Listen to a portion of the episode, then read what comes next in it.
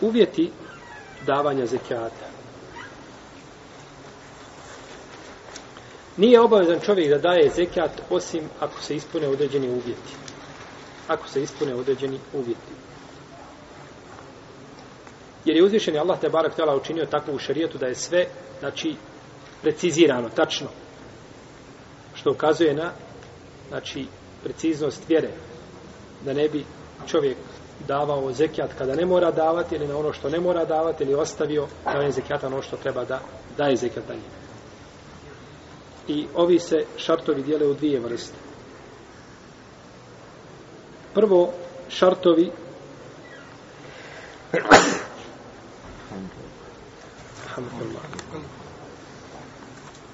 koji se tiču čovjeka koji daje zekijat i šartovi koji se tiču samog imetka. Što se tiče šartova obaveznika, onoga koji daje imetak, prvo je da je slobodan čovjek, da nije rob, da je slobodan čovjek. Pa rob ne mora davati zekijat. Jer sve što čovjek posjeduje, to je, ako je rob, to nije njegovo, to je njegov vlasnik. Znači, on nema ni na što pravo kao rob. Jer kaže poslanik Saloseleme, sve što proda čovjek sa robom od njega, ili od njegovog imetka, proda čovjek roba i nešto što je njegovo proda, to pripada prodavcu, osim ako kupac uslovi. Ako kupac kaže, ja kupujem roba, ali uz tog roba ide i njegovo auto. I ako na to pristane prodavac, onda šta? U cijenu roba ulazi i, i auto. U protivnom to ostaje šta? Prvom vlasniku. Jel u redu, to ostaje prvom vlasti. I došlo je u predaju Dibnu Omara koji bliži Mame Lbejhepe i kaže šeha Albani da je vjerodostojna, da je ispravna, da je Ibn Omar rekao nema u imetku roba zekijata dok ne bude oslobođen. I kada je došao Kejsan ibn Ebi Sa'id al-Makburi, kaže došao sam Omeru da dam zekijat a ja sam se otkupio od robstva, pa mu kaže, jesi li slobodan, jesi li oslobođen? Kaže, jesam. E onda kaže, daj, onda daj, daj. Zekijat. Drugi uvjet je da čovjek bude musliman. Da čovjek bude musliman.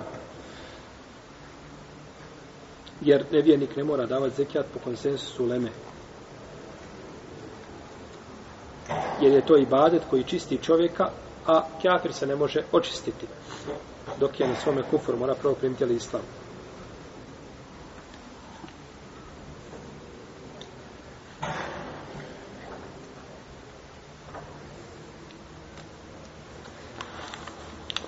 pa ga prvo znači obavezujemo islamom potom ga obavezujemo čim, čime zekijatom ما منعهم أن تقبل منهم نفقاتهم إلا أنهم كفروا بالله وبرسوله i nije spriječeno da njihovi prilozi budu primljeni osim zbog toga što su počinili nevjerstvo Allaha i njegovog poslanika. Znači li ovo da neće nevjernici biti obračunavani za zekjat? Dobro. Jesu li nevjernici obavezani sa furu'ul islam, a to su ogranci islama. Je li nevjernik obavezan namazom i hađom? To je razilaženje veliko među islamskim pravnicima. Jedni kažu da jeste, drugi kažu da nije. Ispravno je da jesu, ali mora tome prethoditi šehadet. Pa ako ne izgovore šehadet, onda nisu dužni da to rade jer im to neće biti primljeno i da rade to ne, ne koristim. Moraju prije toga ući u islam. A bit će na sudnjem danu kažnjavani što nisu vjerovali i za sve ono što nisu činili, što su muslimani šta morali da čini. Pa ćeš biti odgovoran za to.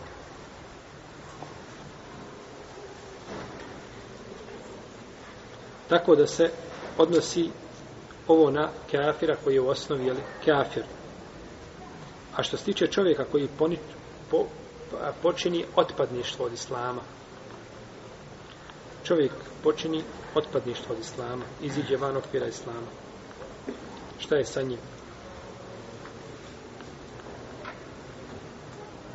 Ako je počinio otpadništvo za vrijeme dok je bio obavezan dati zekijat, mora ga dati. Za razliku od Ebu Hanife koji kaže, koji kaže da ne mora.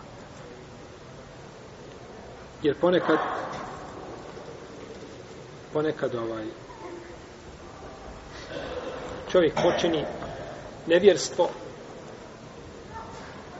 pa mu biva ono što je učinio prije toga ne primi se od njega kao na primjer čovjek uzeo strelu i zategao luk i kaže bismillah Allahu ekvar i pusti strelu i vidi da strela ide i misli da će promašiti žrtvu i opsuje Allaha kaže promaši I samo što je to opsovo, ona pogodi žrtvu i padne žrtvu. Je li dozvoljeno jesti to meso?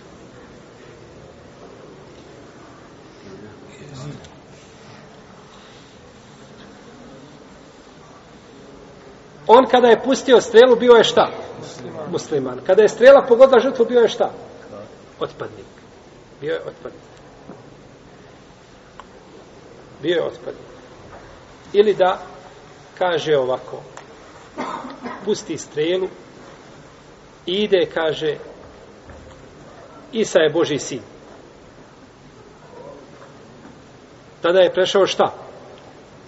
U Kitabije. Povjerio kitabijsku vjeru. Je nama dozvoljeno mjesto od Kitabija? Jeste. Je nam dozvoljeno lov od Kitabija? Jeste. Isti je propis. Nema nikakve propis. Znači, sve Kitabija što ulovi, možemo jesti. U, u redu. Ovaj čovjek otišao u Kitabije, Ili musliman počini ode iz islama i ode u kršćanstvo, ode tamo kao što se ovaj gore bio prekrstio, sve obuče njihovu onu odoru, sve on je kršćanin i zakolje. Možemo li mi jesti njegovo mjesto? Ne možemo. Zašto? On je murtak, ne možemo konvertirati. O, u redu. A u kako je on vjeru konvertirao? On je u nevjeru. U nevjeru? U nevjeru. U nevjeru, u redu. Kakvu nevjeru? kršćansku. Šta kaže uzvišeni Allah u Kur'anu za kršćane?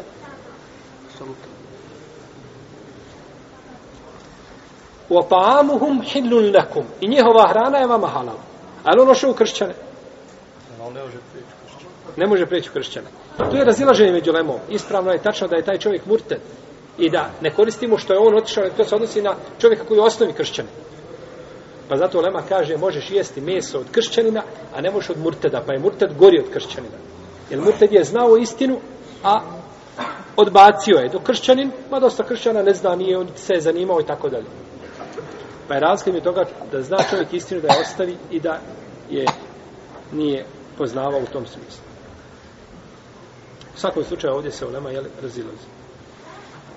Šta je sa čovjekom koji počini otpadništvo? Ako je za vrijeme islama trebao dati zekijat, onda se mora uzeti zekijat je i na, iako je počinio šta? Otpadništvo. Jer zekijat se uzima za vrijeme kada je on bio šta? Obavezan da da zekijat. I zekijat je pravo sirotinje i neće mu biti to oprošteno. Mora to dati.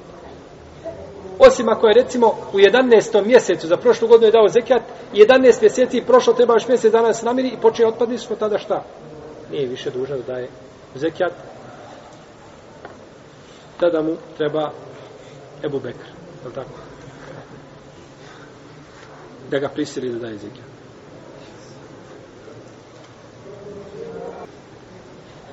Uvjeti koji se tiču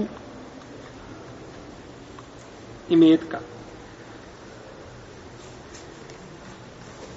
Tu imamo nekoliko uvjeta. Prvo,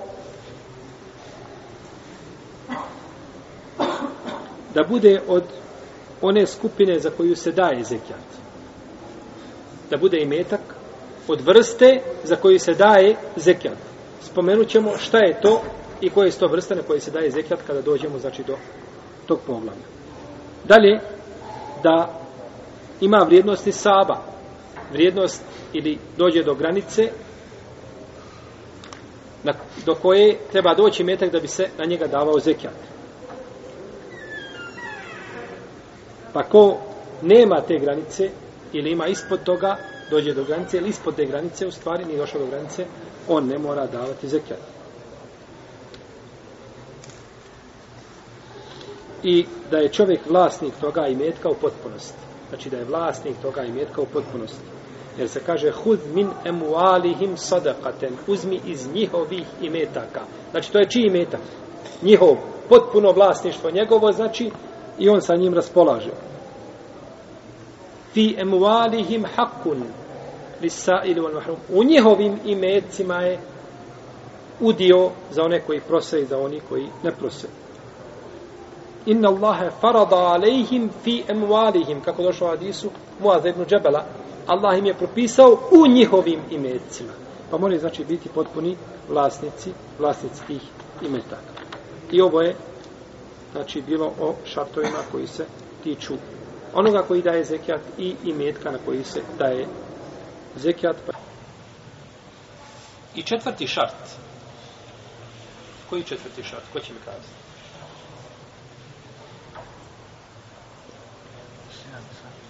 Molim? Visina Nisava. Visina Nisava. Mi smo govorili o visini Nisava. To mi ćemo govoriti. Znači, mi smo govorili o šartovima koji se tiču čega? Molim? Imetka, ne imetka. Govorili su i sad sam ja ponovio tri šarta. I u treći šart koji je bio da treba biti vlasništvo potpuno, uvukli smo jedno pitanje, a to je šta? Pitanje zekijata na dug. Pa smo sad kažem četvrti šart. Koji četvrti šart? Imamo ova tri prva. Imamo tri prva. Jer kazali smo da bude od vrste imetka. Je li tako? Da, a, da bude potpuno vlasništvo, kod čovjeka, šta smo još kazali? Da dostigne nisa i četvrti šart? Da pregodini. Da pregodini. Četvrti šart da pregodini godinu dana hijđretsku. Ne ovu uh, koju mi mjerimo, nego hijđretsku godinu dana koja je kraća od pa bi svake 33 godine čovjek ukrao godinu dana kada bi kada bi ovaj kada bi mjerio po ovoj godini jer je ona duža. Pa treba znači gledati hidžetsku godinu. I to se znači uslovljava u zekijatu kada je u pitanju zlato i srebro i stoka. A što se tiče plodova koji se ubiru, oni se daju, znači kada se ubiru atu hakahu jeume hasadihi na dan kada ga vadiš, tada daješ zekijat. Nema, neće pregoditi. i oko ovoga se slažu islamski učenjaci.